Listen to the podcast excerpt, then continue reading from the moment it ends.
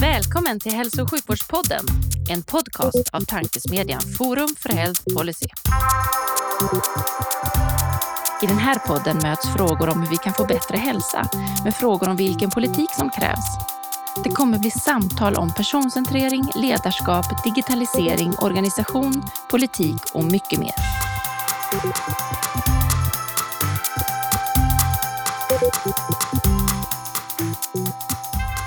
Jag heter Magnus Lejelöw och arbetar till vardags för Läkemedelsindustriföreningen men är även styrelseledamot i Forum för Health Policy.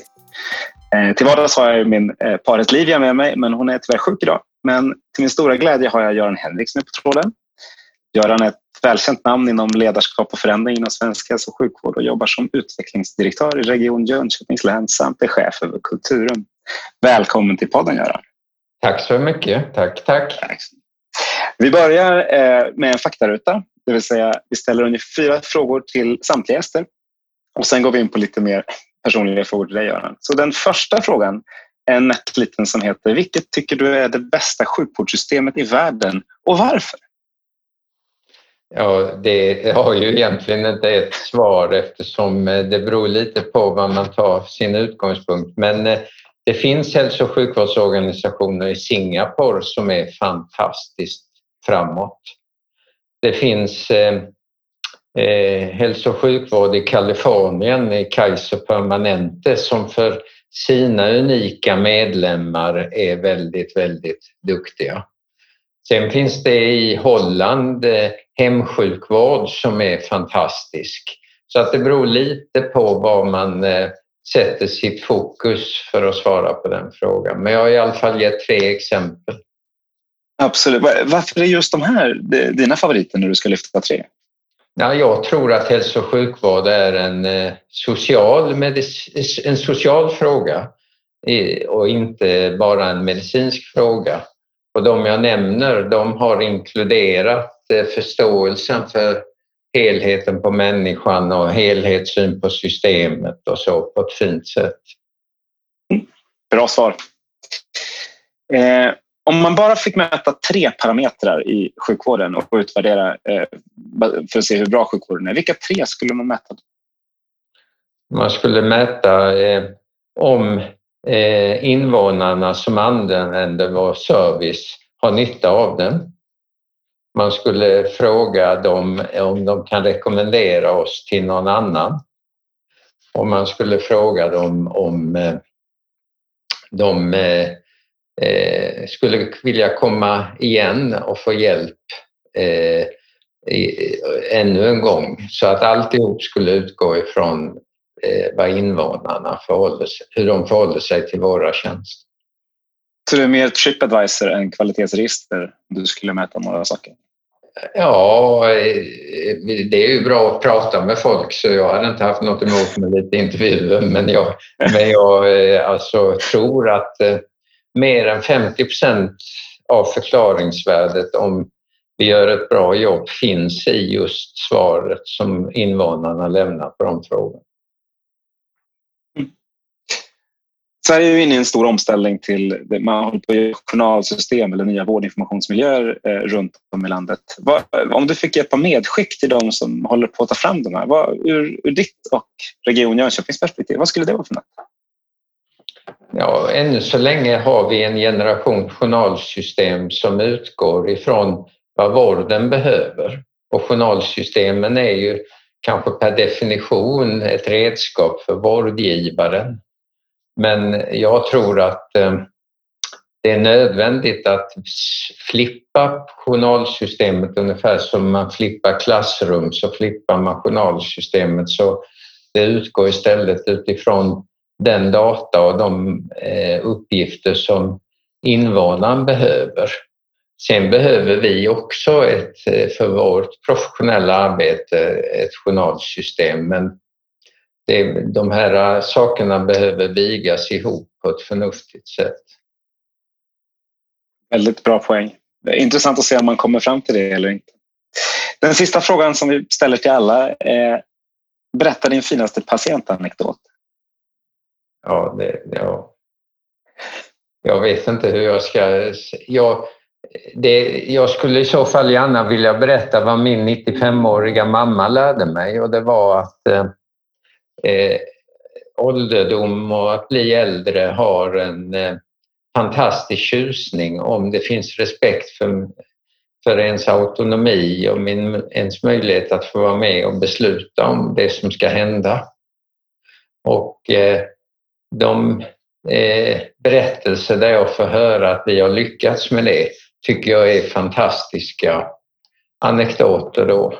Och det är många, men eh, jag blir lika ledsen när jag hör att vi inte förmår det, utan människor blir betrakt, känner sig betraktade som ting eller att de har förminskats och så. Mm. Ett väldigt bra svar på den frågan.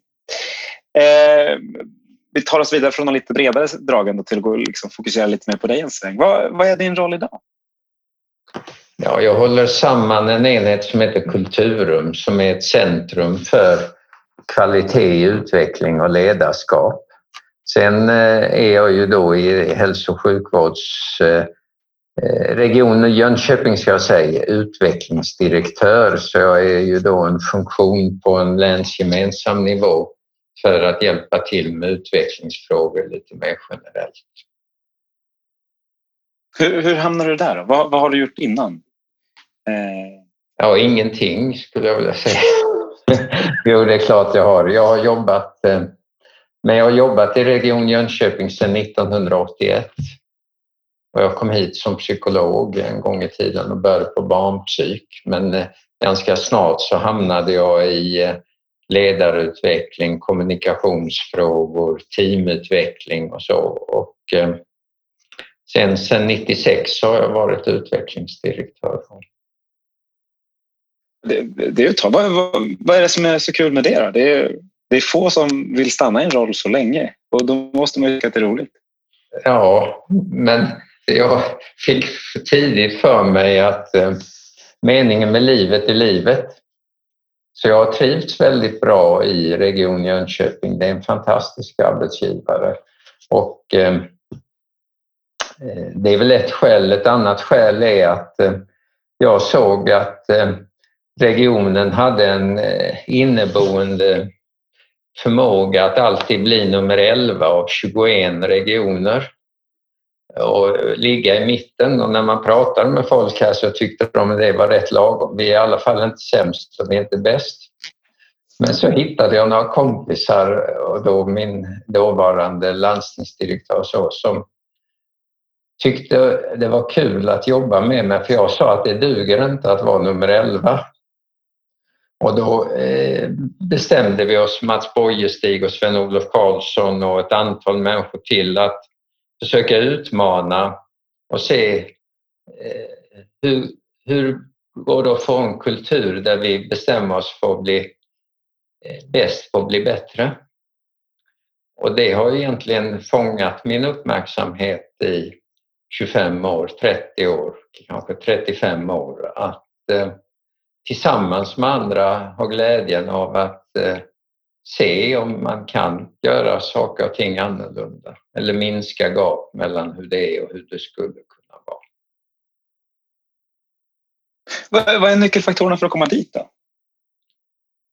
Ja, nyckelfaktorerna tror jag är att man eh, ser möjligheter, att man finner människor som ser samma möjligheter, att de får ett bra stöd, att man tycker det är förnuftigt att om man bara gör sex av tio rätt att man gör ett avbrott i arbetet och försöker designa om arbetet så man kan göra åtta av tio rätt. Eh, det är att eh, se att eh, arbete handlar väldigt mycket om relationer och sociala frågor kanske och inte bara de här medicinska som naturligtvis är superviktiga men som eh, är direkt beroende av det sammanhang det blir utfört i. Så jag har väl varit mer fokuserad på det sammanhanget kanske. Och ja, det har ju gjort att vi har haft roliga år tillsammans och har väldigt roliga år tillsammans. Mm. Vad är det mest utmanande i din roll? Om vi tar den andra sidan av myntet. Då. Ja, det är väl att eh, när man kommer med förslag på att göra saker annorlunda så blir det ibland som skavsår på foten eller en blåsa på foten och folk tycker det är obekvämt. Och eh, det är väl lite obehagligt ibland att vara i den miljön där man står för blåsan och inte eh, skyddar med plåster. Och det, ja. men, men eh, känner man tillit till, sitt, till sin ledning så är ju det inte så farligt. Men om man då om man är kvar som utvecklingsdirektör i en sån organisation så länge, eh, trots att man är, är blåsan eller att man, in, att man inte är plåstret utan är den där blåsan, vad, vad gör man då, då för, att, för att få med sig medarbetarna och cheferna? Ja, alltså, vi, vi pratar ju ofta om att varje system är perfekt designat för det resultat det presterar. Och eh, eh alla förändringar är inte förbättringar, men alla förbättringar är förändringar. Och om man kan nå konsensus om att det är sant, de två sakerna, då blir man också mer nyfiken på att göra andra annorlunda för att de kan få ett annat resultat eller göra andra saker på ett sådant sätt att det är kul med förbättringar. Det vill säga, man blir mer nyfiken på det som finns runt omkring en. Och det finns oändligt mycket att skörda av allt fantastiskt som andra gör. Så att på det viset blir aldrig jobbet tråkigt. Det är alltid jätteroligt egentligen. Mm. Ja, det är helt rätt inställning. Jag stöter bara på dig i projekt där det, där det finns engagemang och intresse. Så jag har ju bara sett den här sidan. Men jag gissar på att det, det är den sidan du har i nästan samtliga ja. projekt. Hur, hur, skulle du sälja en Jönköping till resten av världen? Förutom att det är väldigt roligt. Är, om, om du ska få Jönköping att vara nummer ett i världen, vad, vad lyfter du då? Ja, eh, vi, vi tycker ju om att vara där så att eh, frågar du mig specifikt så skulle jag kunna berätta om varför vi är där och så. Men, men jag tror att eh, Jönköping har en eh, schysst kultur, alltså man eh, när, utifrån det här begreppet varje system är perfekt designat så kan man ju säga att eh, det i det ligger också att det inte är fel på människorna när saker och ting inte fungerar utan det är med vilka förutsättningar de har fått möjlighet att göra sitt jobb som man måste jobba. Och det tycker jag är väldigt högt i taket i Jönköping att vi försöker inte prata om människors tillkortakommanden utan vi pratar istället mer om funktioner och hur vi kan designa funktioner för att det ska bli bättre än människors tillkortakommande. Mm. Om jag skulle då ställa den mer specifika varför-frågan? Ja, jag tror vi jobbar mycket. Ja. jag tror, gillar men det är ju jag tror det är bra svar. Det är det enklaste svaret. Det brukar ja. betala sig i slutändan. Absolut. Det, det... Eller jobba, jobba, jobba mycket och jobba rätt kanske? Då. Ja, ja, ja visst. Så... För, det, för, för, ni ligger ju ändå inklämda mellan tre stora regioner och en relativt stor region och, och får ändå lite lyskraft. Så något måste ju göras rätt. Ja, men jag tror då att eh, långsiktighet i ledarskap, eh, eh, öppenhet för att ändra på saker när man ser att det kan göras annorlunda och lite bättre. Och sen då närhet naturligtvis. Det är väldigt bra att vara i ett system där alla medarbetare, i alla fall rent teoretiskt, har möjlighet att träffa högsta chefen någon gång varje år. Eh, för ett tiotal år sedan så gjorde vi sådana analyser. Hur många med olika medarbetare träffade regiondirektören eller som det då hette landstingsdirektören. Och när en landstingsdirektör börjar komma upp, jag har träffat en 1000-1500 medarbetare, olika medarbetare varje år, så är det en rätt hög siffra. För det, då kan alla, om de verkligen behöver, ha en kontakt med den personen. Och det tror jag i sig skapar eh, en väldigt fin miljö för, för att göra framsteg. Det skapar liksom en närhet. Alla kan vara du med högste chefen. Jag tror det är väldigt viktigt. Mm, det. kan bara hålla med om det. Du sitter också i en politiskt styrd organisation och har gjort det länge. Eh, hur, har du något, för det första, vad, vad är dina reflektioner kring det? Och för det andra, har du något tips på, till andra som sitter i politiskt styrda organisationer? Nej, ja, eh, hälso och sjukvård behöver ju, det är ju en demokratiskt eh, viktig organisation och behöver därmed ha ett stort politiskt insyn och så.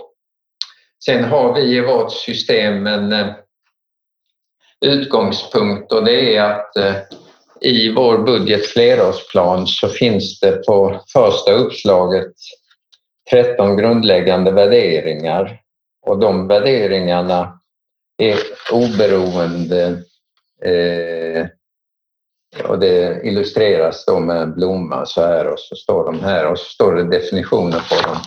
Och de är liksom oberoende politisk majoritet. Och det tror jag har varit en framgång för oss att eh, de är vi liksom besjälade av. Värdering 1 är kundorientering, 2 allas delaktighet, 3 processorientering och så vidare. Så att oberoende vilken majoritet vi har så är de så att säga skyddade som företagets företagsmodell. Då. Bra. Och för er som undrar, ni som lyssnar på, på podden som undrade vad Göran visade så visar han en broschyr från Region Jönköping. Jag skulle rekommendera er att googla Region Jönköping och 13 värderingar så kommer ni få att landa på det i hjulet som Göran ja, visade. Jag har sett det i varje fall nu så det är bra. Eh, säger du personcentrerad eller patientcentrerad? Och hur får vi en mer person slash patientcentrerad vård? Ja, alltså jag är inte säker på att jag vill säga något era. Jag är inte hundraprocentigt bekväm med något av dem. Jag tror nämligen att eh, eh, lite då eh, skarpt formulerat att eh, individen med behov och den som tillhandahåller service för det behovet är delar av samma system. Så de är egentligen medlemmar i samma team. Och ordet patient har ju en tendens att bli att någon gör för något annat. För någon annan. Det vi behöver komma till är ju att eh, det är patienten eller individen eller invånaren som har kompetensen att veta vad som behövs och därmed också vara med och designa servicen som tillhandahålls av systemet. Och då blir det inte personcentrerat eller patientcentrerat riktigt utan då blir det att man spelar i samma lag. Det var ett väldigt bra svar på den frågan. Nu känner man plötsligt att man ställt en dum fråga. När, när nej, nej, nej, det var inte dumt. Men, men det, det är ju väldigt lätt att ord får liksom en tyngd så man slutar tänka efter. Vad är det man säger i dem? Det... Absolut. Eh, ett annat sådant ord eh, är prevention. Eh, och ja. Mycket av det vi gör när vi jobbar i hälso och sjukvård är antingen sekundär prevention eller senare ner i ledet. Hur, hur ska vi jobba för att, för att få in insatserna tidigare i, för patienten, personen, medborgaren? Jag tror att man behöver tänka uppströms hela tiden. Så att den som är steget före i en värdekedja behöver alltid eh, ha en så god relation med nästa steg att den som är före kan förbereda för nästa steg. Och tänker man så så blir ju eh, helt plötsligt eh, integrationen av ett annat slag att om jag är steget före i min service så optimerar jag för nästa steg och inte bara för mig själv. Och kan man tänka prevention så också så kanske inte prevention blir så märkvärdigt för då hjälper alla till med preventionsarbetet oberoende var man är i en primärvårdsspecialistkedja. Det blir inget ägarskap till det begreppet utan det är en del utav människans, eh, vad ska vi säga, ja, det är en del av allas uppgift att arbeta med det. Mm. Ja, för det är ju en svår balansgång nu när vi å ena sidan vill gå mer god och nära vård och andra, å andra sidan åt mer precisionsmedicin och avancerade terapier. Man, liksom, man är i båda ytterligheterna och drar åt varsitt håll. Det är en, en utmaning för sjukvården. Ja, ja, ja men jag, eh, nära vård tror jag mer är ett eh, begrepp som eh, ska fånga vad är det individerna, invånarna ska se när de befinner sig hemma. Och det är inget organisatoriskt begrepp. Och precisionsmedicin är egentligen ett, eh, en eh, mekanism eller teknik som finns i kompetensen hos vårdgivaren. Och det ska finnas hemma precis som på sjukhuset naturligtvis. Det är också ett väldigt bra svar. Fick det... jag tänka till lite, det blev nästan tyst. Det är inte så ofta. Ja, alltså om du tar lungcancer då som vi skojar om ibland. Precisionsmedicinen måste ju finnas hemma. Inte, inte borta. Nej, men och det, ja, alltså så, det blir väldigt stigmatiserat när vi pratar nära vad händer där och nära det specialistvård där och så. I grunden händer väl allt där man är och förhoppningsvis kan de flesta behålla sin autonomi och vara hemma. Ja, absolut, och ni har ju lyckats med det vad det gäller eh, hemdialys till exempel. Ja. Har ni, se, ser du liknande möjligheter på andra områden? Eh. Ja, alltså det, det jag tror är eh, digitaliseringens eh, positiva sidor, alltså att eh, med eh, 5G och lite bättre mätinstrument och så, så kommer autonomin att kunna bli ännu större hemma och tryggheten att få leva sitt liv i hemmet och inte i en institutionell miljö tror jag kommer att öka ytterligare.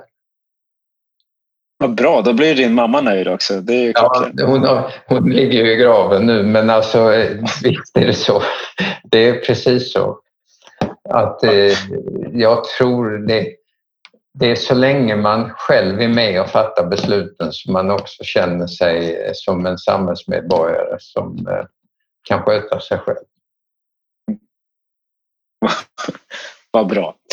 Ehm, du pratade lite om, om, digitalisering och eh, vad du tror att det skulle kunna, kunna leda till på, på det här området. Det är ett väldigt, hur ska man uttrycka det, eh, vitt använt eh, uttryck just nu. Vad betyder digitalisering och e-hälsa för dig?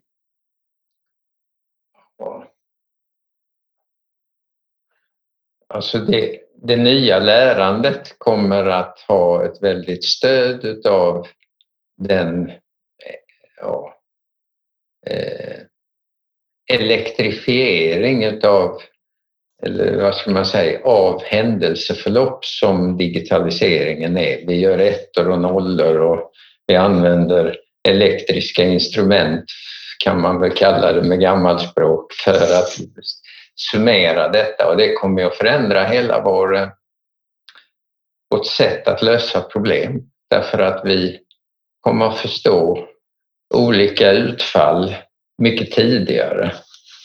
Och eh, även om vi är olika individer så kommer det att underlätta för den som är ett stöd att eh, förstå eh, ja, vad som är rätt att göra i olika situationer.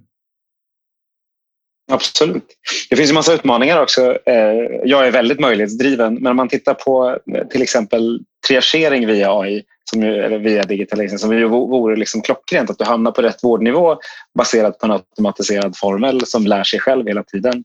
Hur, hur, hur, hur ska vi våga göra den typen av, av saker eh, trots att det finns en, en, möjlighet till en risk? Och när, hur mycket risk är vi beredda att ta? Ja, men tror du inte att det är så att vi eh, så länge vi har alternativet att om inte jag kan riktigt svara på en fråga så kan jag få en mänsklig kontakt. Jag kan avbryta den triageringen. så tror jag det kommer att vara en väldigt fin utveckling i det. Det är väl när 1177 inte funkar i sin respons eller när liksom inte man får den mänskliga kontakten när man inte kan själv som vi är ute på farlig väg. För då exkluderar vi ju människor. Vi måste mm. bibehålla möjligheten till en mänsklig relation. Absolut, men man skulle också vilja automatisera mer av det så man, så man slipper ha mänsklig kontakt fram tills det där så vi kan använda människorna till rätt saker. Ja, men så, det tycker jag händer just nu. I, kanske inte i hälso och sjukvård, men om jag går på Chop och handlar så har jag inte så många kontakter förrän jag hämtar tallriken. Men det finns ju möjligheten att gå fram och beställa muntligen också. Sant. Det är första gången Chop Chop nämns i den här podden. Ja. Det såg jag inte komma, men det var ett bra, bra exempel. Eh, en annan sån sak är om man tittar på, på våra smarta telefoner som ju nästan alla har, har numera. Om man tittar i undersökningar så går det ju högre och högre upp i åldrarna också. Eh, så har ju de mer koll på oss själva än vad vi har i många lägen. Men vården får inte riktigt access till, till den typen av information. När, eh, vad tror du ska ske för att, för att vi ska våga släppa den informationen eller snarare våga ta emot den informationen från vården? Ja, ordet när är väldigt svårt att svara på. Men att mm. det kommer, det tror jag. Eh, och det kommer ju i full hastighet nu egentligen redan. Eh, eh, ja, all, alltså det, människor driver, alltså invånarna driver ju denna förändringen genom Kry och Min doktor och sådär. Alltså, det är ju inte systemen som driver utan det är ju människorna som ger sin tillit till de systemen. Så jag tycker det händer just nu. Och det, det är ju så förändringar ofta uppstår att de det är inte så dumt med den här liknelsen med en fjäril i Mexikanska golfen gör en storm i, i Skandinavien. Alltså att eh, vi har ju sett denna utvecklingen komma länge och så helt plötsligt är vi förvånade när den är här. Va? Alltså så att eh, jag tror att det är, vi kan titta på vilka fjärilar som finns i Mexikanska golfen nu. Chop Chop är ju en sån. Absolut. Vilka fler fjärilar ser du i mexikansk golf? jag vågar inte säga det, men jag tror att det här med 5G kommer att förändra mycket också. Det tror jag. Jag tror nämligen att eh, eh och det är här redan sådana här saker som röntgenapparater i hemmet. Jag tror... Eh, eh, det, jag vill inte... Det finns ju läkemedels eh, företag, nu tappar jag namnet på de här, Meditronics tror jag det är nästan, har inte de någon typ av piller man sväljer för att analysera om man har, eh, har eh, eh, cancer i tarmarna? Det kanske inte är Meditronics, men det är någon av de här medicinsk-tekniska företagen som tillhandahåller en pilla som är som en vanlig albyl eller magnesyl då, som man sväljer och i den finns en kamera och ett chip. Va? Så den går igenom tarmarna och eh, man kan sitta i Australien och titta på hur, vad den speglar i tarmarna. Då. Jag vet heller inte vilket företag det är men jag har hört talas om samma sak. Det är häftigt. Då får du, då får du liksom svaret eh, i handen i samma sekund. Ja, då går utvecklingen väldigt snabbt. Det gillar ju vi patienter också. Ja, det gör vi ju. Vi, så det kommer vi att vara svaga för. Och då kan man ju säga att där har vi ju då, så det finns ju en mängd sådana saker där vi har, du frågar mig om patientjournalsystem. Redan nu har vi ju mängder med patientjournalsystem som finns utanför patientjournalsystem. Och så att här, det är ju en, det är ingen fjäril, det är, jag skulle säga att det är en stor albatross i Mexikanska golfen som redan har liksom löst upp vår föreställning om vem som äger patientjournalsanteckningar. Tveklöst. För det är det som ska bli så kul att se vad det tar vägen. Det finns ju många olika områden där det ja. kommer att påverka. Ja. Eh, och våra lagar är absolut inte anpassade för det, även om de till viss del är det om vi tolkar dem på rätt sätt kanske. Ja, precis. Hur, eh, om du tittar på svensk sjukvård hälso och sjukvård om tio år? Vad tror du är de största skillnaderna? Och de största skillnaderna? Ja, om, om, tio, om tio år. Ja, jag tror att eh, den här utvecklingen vi ser om koncentration av eh, operativa insatser, den tror jag kommer att fortsätta. Och då tänker jag liksom kirurgi, ortopedi och kvinnosjukvård och så. Va? Jag tror att eh, Oskarshamn som bara gör knä och höftleder i ortopedi och visar en fantastisk kvalitet i detta. I alla fall gjorde de för, för, för, för något år sedan. Och, alltså det är en nödvändig utveckling som eh, i sin tur kommer att ställa liksom, eh, saker på sin spets när det gäller jämlik vård och sånt där. Så det tror jag vi kommer ha ännu mer av. Jag tror vi kommer ha ännu mer av, eh, ja kan man säga, eh, shop-shops igen då, alltså där människor går till ett ställe och får sin fulla service. Och alltså kompetenta vårdcentraler eller hälsocentraler eller så. Och sen kommer vi att få se mycket mer utav eh, community-based grejer, alltså att eh, vi arbetar med andra sociala system för att nå ut med hälsofrågor än vad vi gör idag. Där det liksom vi nästan tar in folk. Det kommer vi. Så hälso och sjukvården kommer att vara mycket, mycket bredare i sin ansats för det digitala möjliggör helt nya kompetensmiljöer, eh, kompetensutvecklingsmiljöer. Mm. I, I många andra branscher ser man ju att folk pratar med varandra på ett annat sätt. Det blir communities av användare på olika sätt. Och även, men patient-community-delen i Sverige har inte blivit så jättestor än så länge. Vad, vad tror du är anledningen till det? Ja, jag menar att egentligen är det en fjäril i mexikanska golfen därför att ung cancer är ett uttryck för det.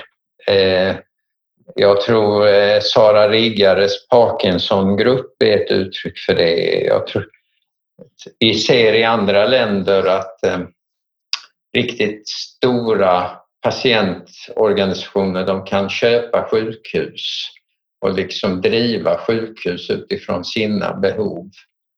Så jag tror att detta är, det kommer med stormsteg. Mm. Det gör det säkert. Googlar man idag så kommer väl Facebook och familjeliv upp först. Det är väl kanske inte riktigt nej, nej. de kanaler jag skulle vilja ha där. Men... Nej, precis. Och med det sagt, inget ont om Facebook. Eh, nej, nej. Är, vi har haft...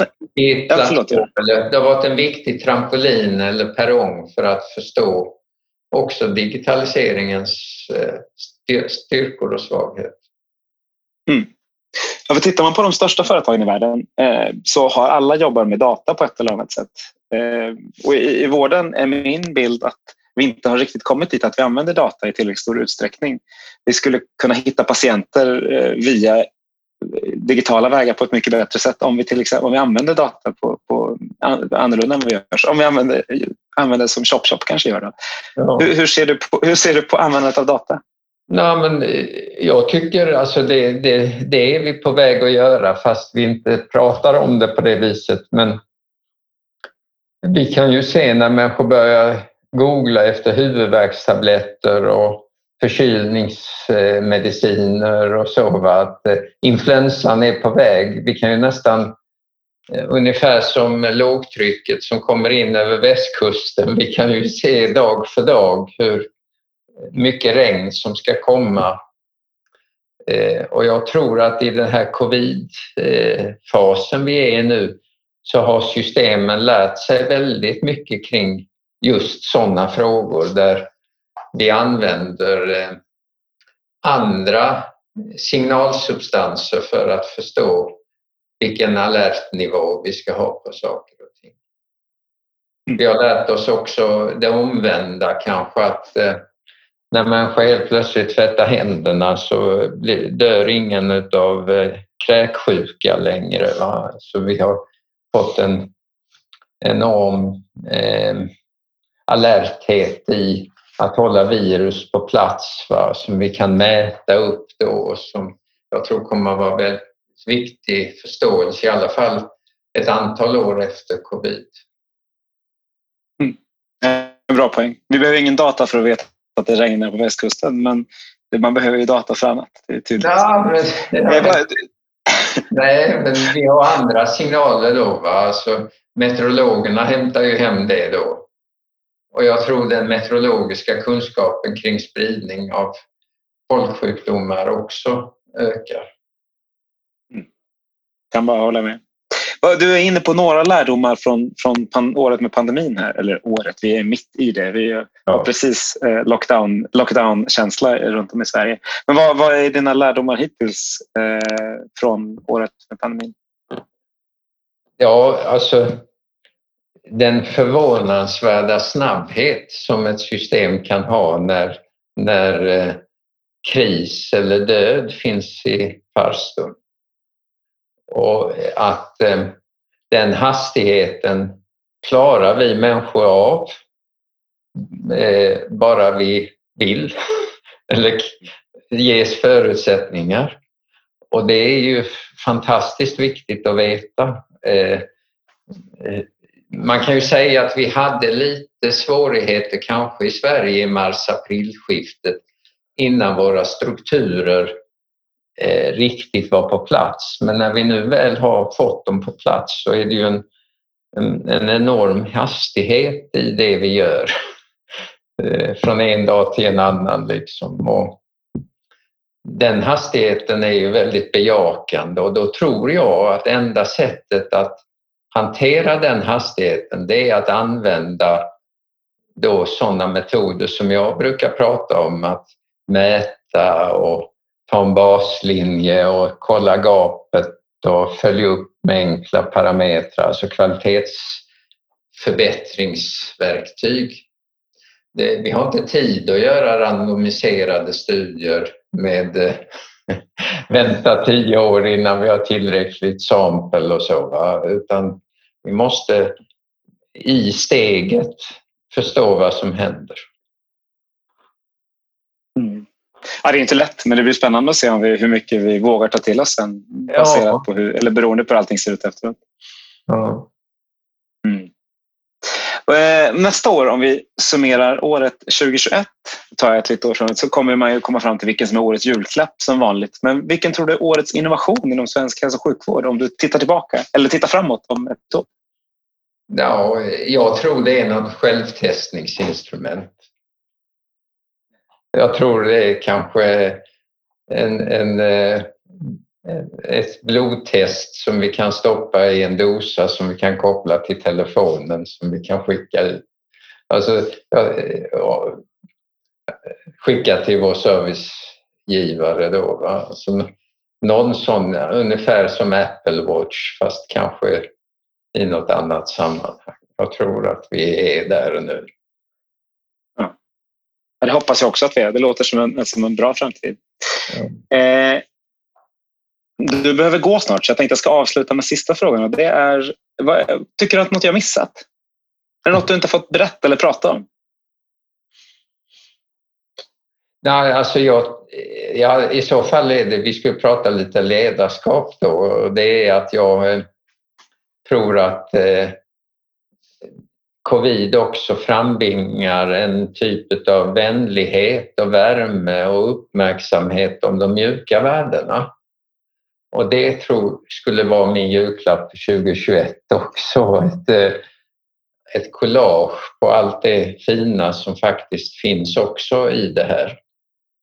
Och att vi får, med, får det med oss även de kommande åren när vaccinet ändå finns här. Alltså hur får vi till den respekten, eh, vänligheten och så. Jag eh, höll på att ställa en följdfråga men det är så bra avslutande ord så jag tycker vi, vi håller oss till det. Idag får ni som lyssnar på podden springa milen lite snabbare än, än vanligt. Eh, men jag tackar Tack Göran för en bra dialog och tack alla lyssnare för att ni har lyssnat på Forum för Health Policys vårdpodd. Ha en jättefin dag. Tack så mycket.